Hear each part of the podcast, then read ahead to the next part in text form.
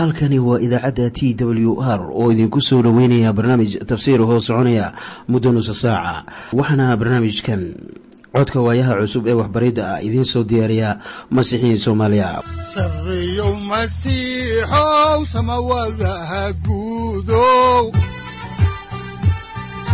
Siraadkii adduunkow subanaha eebow sareyow masiixow samawadaha guudow siraadkii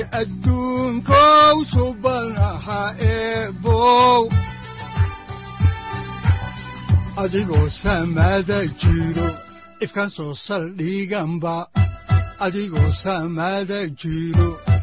soo saldhiganba kutubtiisanaye udanogu saaciiday sharxin sifahaaga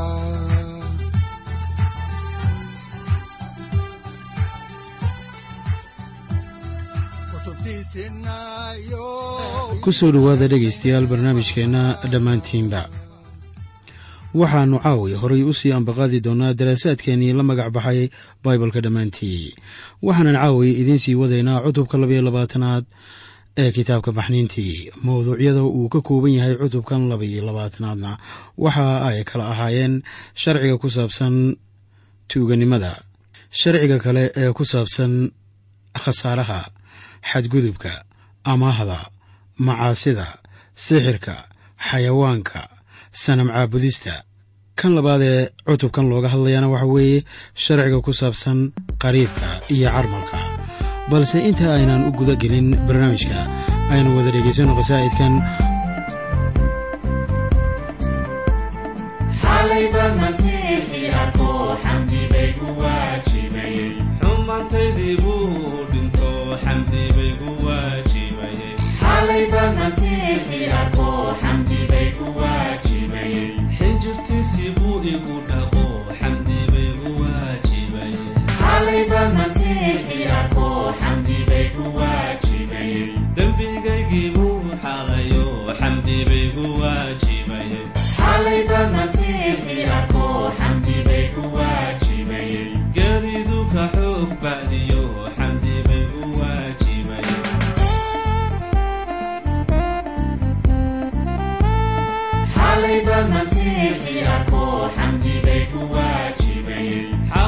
ka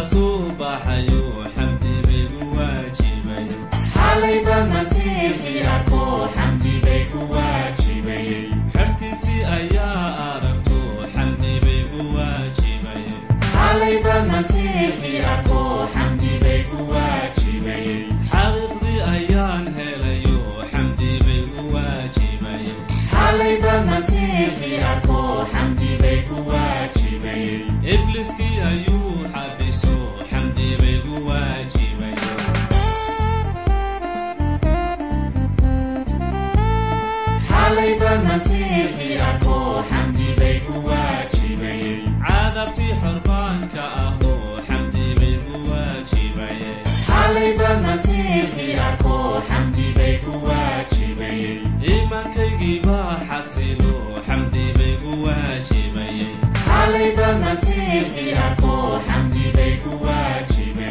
xumaantoo dhan buu iga tiro xamdi baygu waajibaye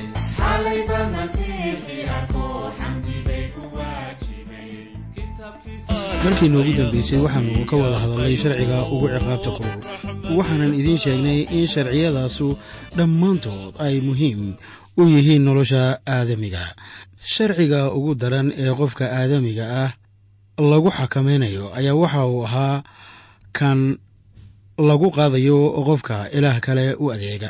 Sida ku qoran cutubka labaiyo labaatanaad aayadda labaatanaad oo leh kii wax u bixiyey ilaah kale oo aan rabbiga keligiis ah ahayn kaasi waa in dhammaantii la baabi'iyaa. Haddaan halkaa ka sii wadno haddaba meeriska cutubka ayaa waxaan iminka idiin akhriyeynaa cutubka labaiyo labaatanaad ee kitaabka baxniintii aayaddiisa koob iyo labaatanaad waxaana qoran sida tan. Oo qariib waa inaydan xumayn ama waa inaydan dulmin waayo idinba qariib baad ku ahaydeen dalkii masar.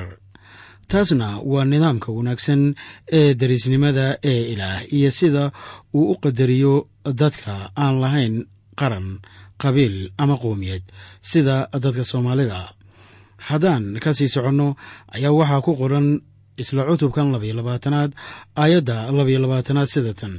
Waa inaydan dhibin carmallada ama ilmo agoona.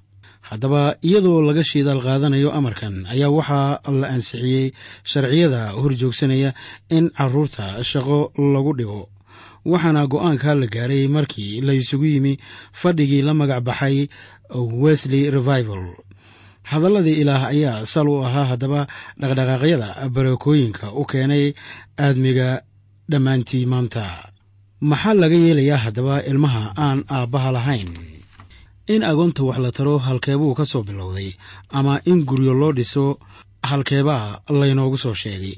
Ma waxa uu ka yimi waddamada aan ilaah laga aqoon mise waxaa fikraddaa keenay waddamada masiixiyiinta ah ee ilaah yaqaana? Haddaan ka sii soconno haddaba taa ayaannu iminkana eegaynaa isla kitaabka labaad ee uu qoray addoonkii rabbiga ee muuse ahaa oo loo yaqaano baxniintii cutubka labayo labaatanaad aayadaha saddex iyo labaatan ilaa afar iyo labaatan ayaa waxaa qoran sida tan. Oo si kasta ha noqotee haddii aad iyaga dhibtid oo ay ii qayshadaan hubaal qayladooda waan maqli doonaa oo aad baan u caroon doonaa oo markaasaan seef idinku dili doonaa. Kolkaasaa naagihiinnu waxa ay noqon doonaan carmallo carruurtiinnana agoommo waxaan rumaysanahay in ilaah ka hortago masaakiinta ama uu difaaco. Xukun weyn ayaa ku imanaya haddaba kuwa sida xun ula dhaqma ama macaamilooda dadka baahan haddaan halkii ka sii wadno haddaba xigashada kitaabka ayaan haatanna ku soo gunaanadaynaa cutubka labaiyo labaatanaad aayaddiisa shan iyo labaatanaad. Waxaana qoran sida tan oo haddaad lacag amaahisid dadkayga masaakiinta ah oo kula jooga waa inaadan ku noqon sidii mid dayn ku leh ama waa inaadan waxba kor saaran. Waxaa ilaah leeyahay haddii nin amaahiyo lacag mid kale ma ahan inuu korsaar badan dusha ka saaro. Ilaah waxa uu leeyahay waa khalad in laga faa'iidaysto dadka kale. Sharciyadii aannu idiin soo akhrinay ayaa haddaba qayb ka ah sharciyada suuban ee ilaah waxaanan kuwo kale idinku haynaa. Kitaabka baxniintii cutubka saddex iyo labaatanaad oo aannu iminkaba idiin bilaabayno. Haddaba haddii halkaa aan uga baxno cutubkii labaiyo labaatanaad ayaan haatan soo gudagelaynaa cutubka saddex iyo labaatanaad. Sida caadada inoo ah waxaannu ku bilownaa haddaba mawduucyada cutubyadu ay ka kooban yihiin. Waxaanan iminka eegaynaa mawduucyada cutubka saddex iyo labaatanaad waxaana ay kala yihiin sharciga ku saabsan masabidka ama nabyada iyo maragga beenta ah. Labo cadaaladda iyo deriis wanaagga. Qodobka saddexaadina waxa weeye sanadada nasashada ama sabtida oo loo yaqaano sanad sabtiyeedyada waxaa kaloo uu qodobkan saddexaadi xitaa ka hadlayaa sanam caabudka. Qodobka afraadna waxa uu ka hadlayaa saddexda ciidood allabariga iyo qodobka shanaad oo ah iyadoo la ballan qaadayo malagga hor kici doona reer binu israa'iil. Haddaba aynu isla eegno maaddada ugu horreysa ee cutubka saddex iyo labaatanaad oo ah dariis wanaagga iyo sida lagu heli karo. Waa qodob aad iyo aad muhiim ugu ah dadkayaga maanta.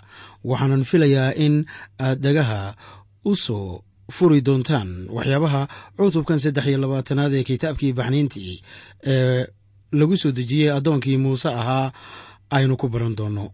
Aynu haatan soo xiganno aayaddiisa koowaad. Waa aayadda koowaad ee cutubka saddex iyo labaatanaad waxaana qorniinka quduuskaahi leeyahay sida tan.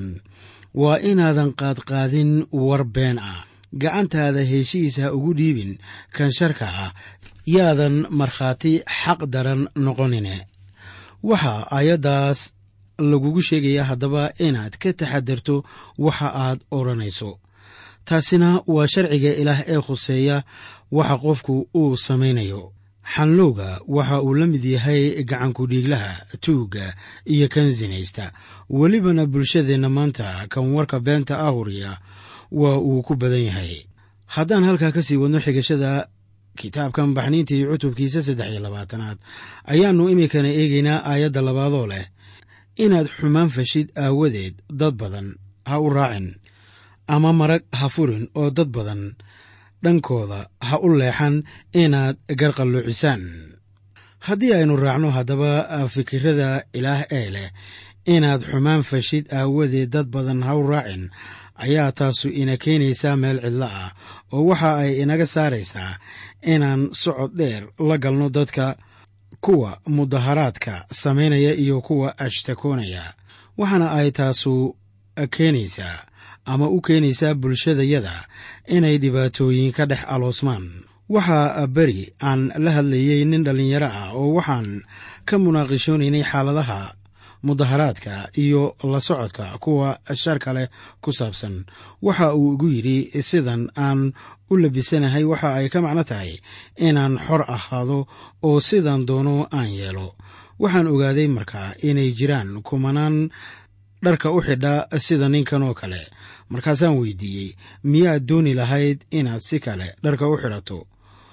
Oo sidan ka beddelan miyayse bulshada aad isku da'da tihiin ku aqbalayaan haddii aad si kale oo ka duwan sidooda u soo labisato ama dharka u xidhato markaasuu ninkii dhallinyarada ahaa yidhi maya allay aqbali maayo haddii aan si kale u labisto.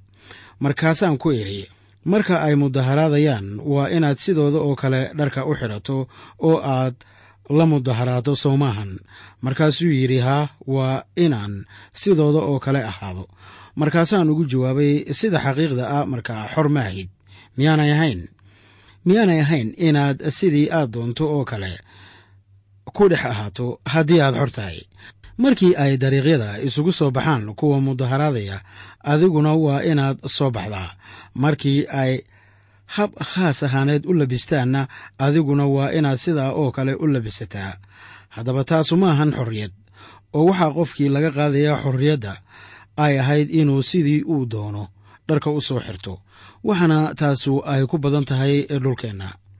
Mararka qaarkood markii kuwa ka mudaharaada siyaasadaha ay dibadbaxa samaynayaan waxa ay doonayaan in kuwo badan ay soo xidhaan khamiisyo iyo koofiyado laakiin ninna laga aqbali maayo inuu soo qaato shaati iyo surwaal iyo kaba buud ah waayo waxa ay ula muuqanaysaa sida inuu iyaga faquuqayo waxaana la wanaagsanaanaysa iyaga oo dhan inay soo xidhaan dhar isku nooca.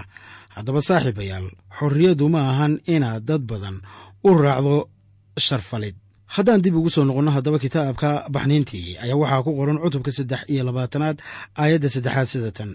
Waana inaadan nin maskiina u gar eexan cadaaladdu ma ahan in looga eexdo ninka maalka leh kan miskiinka ah amase kan maskiinka ah gartiisa la qalloociyo xukunka iyo cadaaladda waa in si hufan loo qaado. Dadka qaarkii ayaa marka ay isa soo hor fadhiistaan nin xoolale iyo nin aan waxba haysan sida badan jeclaystaa inay la jiraan kan lacagta leh. Laakiin haddana waxaa jira kuwo badan oo u heliya kan aan lacagta lahayn walow uu gardaran yahay halkanna ilaah waxa uu inoogu sheegayaa inaynan nin maskiina ugu eexan maskiinnimadiisa ama aynan nin taajira ugu eexan taajirnimadiisa. Waxaa markaa arrinku ku soo biyishubanayaa sidii soomaalidii horeba ay odhan jireen garay ilaaheeday taqaan. Rumankii hore waxa ay garta ku masaali jireen sida haweenay deggan laakiin welibana indha xiran.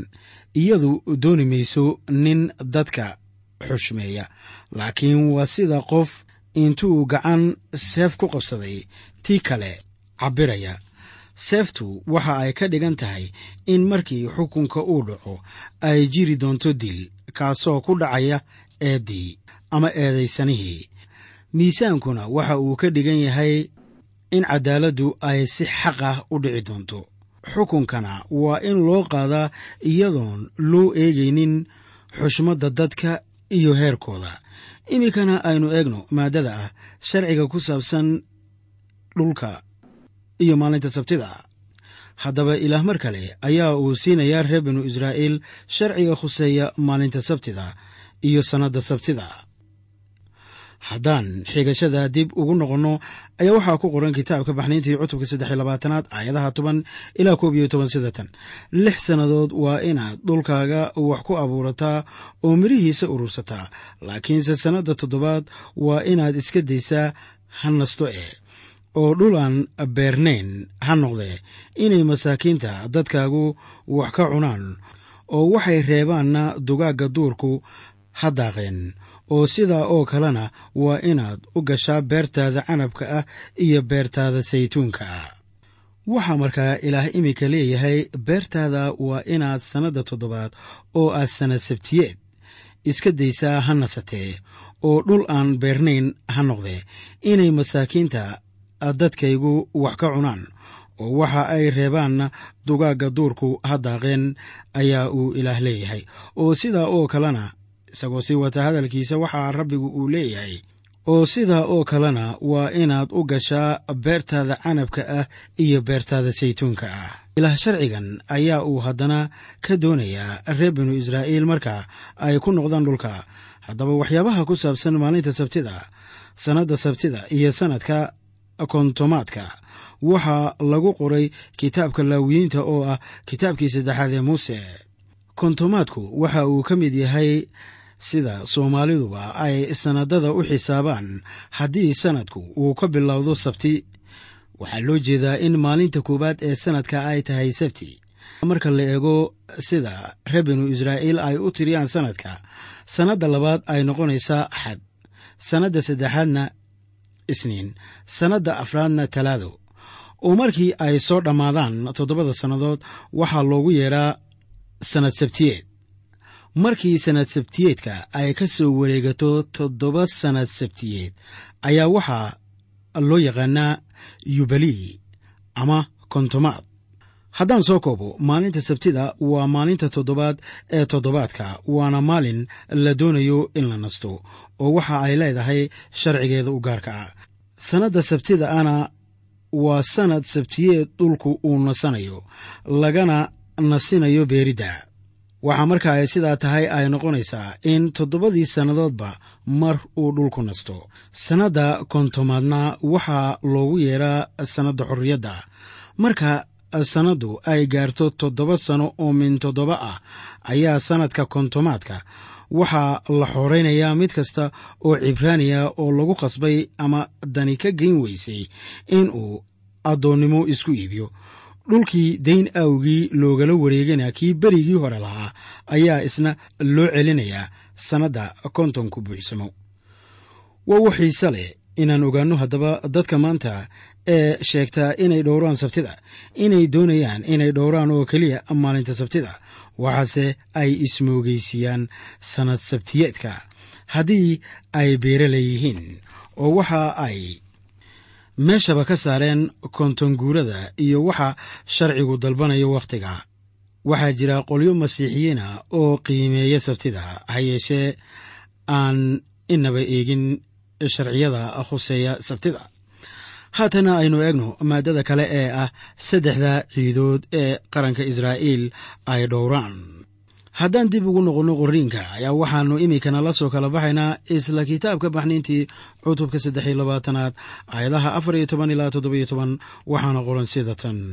Oo sannad waliba saddex goor waa inaad ii iidaan oo iiddii kibista aan khamiirka lahayn. Sidii aan kuugu amray wakhtigii la yidhi oo bisha abiib ah maxaa yeelay bishaas ayaad masar ka soo baxday oo midkiinna hortayda yuusan iman isaga oo faramaran oo waa inaad dhowrtaa iiddii beergoosadka oo ah midhihii ugu horreeyey hawshaada aad beerta ku abuurtay iyo iiddii wax urursiga oo sannadda dhammaadkeeda ah.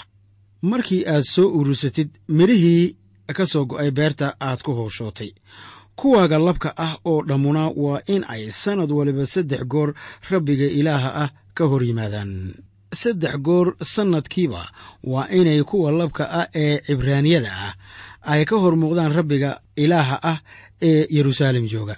Waxaa jiray haddaba saddex iidood oo ay ahayd in loo ciido. Tan koowaadi waa ciidda kormaridda oo ah markii reer binu israa'iil laga badbaadiyey malaga dhimashada laakiin masriyiinta laga laayay curadyadii dadka iyo xoolaha. Iidda labaadna waa iidda bentecost oo ah ciidda beergurashada ciidda saddexaadna waa ciidda taambuugyada ama ciidda waababka. Waad xusuusataa baan filayaa haddaba ciidda kormaridda. Waxaa lagu xusuusanayaa in israa'iil laga badbaadiyey balaayadii u dambeysay markii ay dalka masar joogeen iyo samato bixintii laga samato bixiyey dhulkii addoonsiga. Haddaba ka hor intaanay gelin dhulka loo ballanqaaday ayaa si baahsan looga warrami doonaa ciidahaas. Haatanna aynu isla eegno maaddada kale ee khusaysa ballankii iyo tusmadii ku saabsanayd. Qabsashadii israa'iil ay ahayd inay qabsadaan dhulkii loo ballanqaaday. Haddaan halkaa ka sii wadno haddaba xigashada kitaabka ayaannu dhegaystayaal idiin akhriyaynaa iminka cutubka saddex iyo labaatanaad aayadaha labaatan ilaa koob iyo labaatan waxaana qoran sida tan. Baleeg waxaan hortaada u soo dirayaa malaa'ig inay jidka kugu dhoorto oo ay meeshii aan diyaarshay ku geyso iyada iska jira oo codkeeda dhegaysta hana ka xanaajinina waayo iyadu xadgudubkiinna idinkama cafiyi doonto. Maxaa yeelay iyada magacaygiibaa ku dhex jira. Haddaba su'aasha ah cidda malagganu yahay ayaa taagan hadiyo goorba. Qorniinka kale ayaa ifinaya jawaabta. Haddaan eegno warqaddii koowaadee rasuul bawlos u qoray dadka reer korintos cutubka tobnaad aayadda afraad ayaa waxaa qorniinku uu leeyahay oo dhammaantoodna ay u wada cabeen isku cabid ruuxa. Waayo waxa ay ka cabeen dhagaxa ruuxa ah oo ka daba imanaya iyaga dhagaxuna wuxuu ahaa masiixa. Waxaa kaloo ku qoran cutubka tobnaad ee isla warqaddaas reer korintos aayadda sagaalaad sida tan. Oo yaynaan jirrabin rabbiga siday qaarkood u jarribeen oo masku wada baabi'iyey waa sayid ciise masiix kanay ahayd inay addeecaan waana isaga kan halkan lagu sheegay. Haddaan dib ugu noqonno haddaba kitaabka labaad ee muuse oo la yidhaahdo baxniintii cutubka saddex iyo labaatanaad. Aayadda saddex iyo labaatanaad ayaa waxaa qorniinku leeyahay. Waayo malaa'igtaydu way ku hor socon doontaa oo waxa ay ku dhex geyn doontaa reer amoor iyo reer xeed iyo reer faris iyo reer kancaan iyo reer xiwi iyo reer yabuus oo kolkaasaan iyaga baabi'in doonaa ilaah waxa uu israa'iil u sheegay inuu ku tala jiro inuu cadowga ka saaro dalka waayo dembiyadoodii baa ku batay dalka. Haatan rabbigu waxa uu ku leeyahay iyaga sida ku qoran cutubka saddex iyo labaatanaad aayadda toddobiyo labaatanaad oo leh cabsideedaan ku hormarin doonaa oo dadka aad u tegaysid oo dhan waan argagixin doonaa oo waxaan cadaawayaashaada oo dhan ka dhigi doonaa inay dhabarkooda kaa sii jeediyaan. Ilaa waxa uu ku leeyahay israa'iil waxaan doonayaa inaan dhulkaas idinka reer binu israa'iila idin geeyo oo halkaasu ay noqoto dalkiinnii haddaan halkii idinka sii wado xigashada ayaa waxaa ku qoran kitaabka baxniintii cutubka saddex iyo labaatanaad aayadda labiyo soddonaad ilaa tan saddex iyo soddonaad sida tan waa inaadan axdi la dhigan iyaga iyo ilaahyadooda toona. Waa inayan iyagu dalkaaga degganaan. Waaba intaasoo ay igu ka dambaabsiiyaane. Waayo haddaad ilaahyadooda u adeegtid hubaal waxay taasu kugu noqon doontaa dabin. Reer binu israa'iil ma ahayn inay cahdi la dhigtaan dadka dhulka deggan iyo ilaahyadooda yeshuuca ayaa khalad sameeyey markii uu reer gabicoon cahdi la dhigtay oo ma samaynin baaritaan fara badan si uu ku ogaado in wixii ay sheegayeen uu dhab yahay iyo in kale. Dabcan qaranka israa'iil wixii ay u aadeen ama loogu kaxaystay maxaabiis ahaanta ayaa iyaduna ahayd sanam caabud taasoo kuwo badan oo reer binu israa'iil ah ay ku jireen wakhtigaas. Waxay ahayd in reer binu israa'iil ay u adeegaan ilaah oo dhulkan ay soo galeenna ay tartiib tartiib u qabsadaan waxaa aayadaha siddeed iyo labaatan ilaa koob iyo soddon ee isla cutubkan ku qoran sida tan. Oo waxaan horta diri doonaa xoon kaas oo reer xiiwi iyo reer kancan iyo reer xeed hortaada ka eryi doonaa. Oo iyaga sannad uun hortaada ka eryi maayo waayo waaba intaasoo dhulka cidla noqdaa oo dugaagga duurka uu kugu bataa. In yar in yar ayaan hortaada ka eryi doonaa ilaa aad adigu badatid oo aad dalka dhexashid oo waxaan sohodintaada ka dhigi doonaa badda cas tan iyo badda reer falastiin iyo cidlada ilaa tan iyo webiga waayo dadka dhulka deggan waxaan gelin doonaa gacantaada. Markaasaad hortaada ka eryi doontaa waxaa caddaan ah in dadku markii ay hadalladan akhriyaan oo ayan ahayn reer binu israa'iil ay la yaabaan waxaana ay isleeyihiin ilaah miyaanu doonaynin dadka kale. Sida xaqiiqda ah dadkii beriga oo dhan ninna ilaah ma danayn jirin. Oo nin walibana waxa uu caabudi jiray asnaam iyo dhagxaan ay gacmahooda ku samaysteen. Markaasuu doortay ibraahim isxaaq iyo israa'iil inay noqdaan kuwa sida dhabta ah u garanaya ilaaha samada oo keligii ilaaha ah kuwa dhulka la siiyeyna waa carruurtooda waayo ilaah waxa uu doonayaa in dhulka ay lahaadaan farac garanaya isaga ah ilaaha baaqiga ah ee samada iyo dhulkaba uumay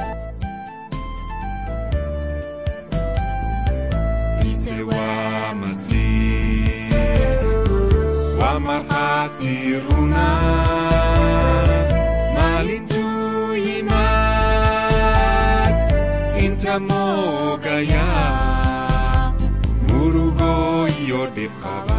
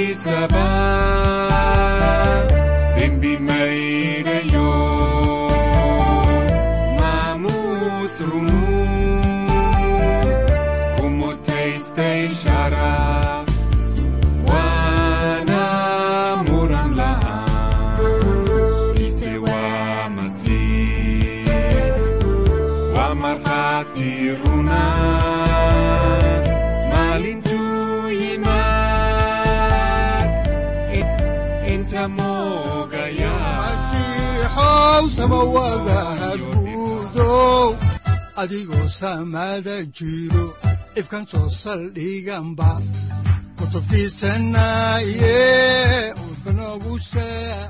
halkani waa t w r idaacadda t w r oo idinku leh ilaa ha idin barakeeyo oo ha idinku anfaco wixii aad caawi ka maqasheen barnaamijka. Waxaa barnaamijkan oo kalea aad ka maqli doontaan habeen dambe. Hadahan oo kale haddiise aad doonaysaan in aad fikirkiina ka dhiibataan wixii aad caawi maqasheen ayaad nagala soo xiriiri kartaan som t w r at t w r c o k e haddii aad doonaysaan in aad dejiisataan oo kaydsataan barnaamijka ama aad mar kale dhegaysataan fadlan mar kale booqo www t w r o r g amase waxaad teleefoonkaaga ku kaydsataa ama ku download garaysataa agabyada ku sahli karaa dhegeysiga t w r haddii aad doonayso in laga kaalmeeyo dhinacyada fahamka kitaabka amase aad u baahan tahay duco fadlan fariimahaaga soo mari bogga aaraahda ama kommentska inana jawaab degdeg ah ayaanu ku soo diri doonaa amase ku siin doonaaye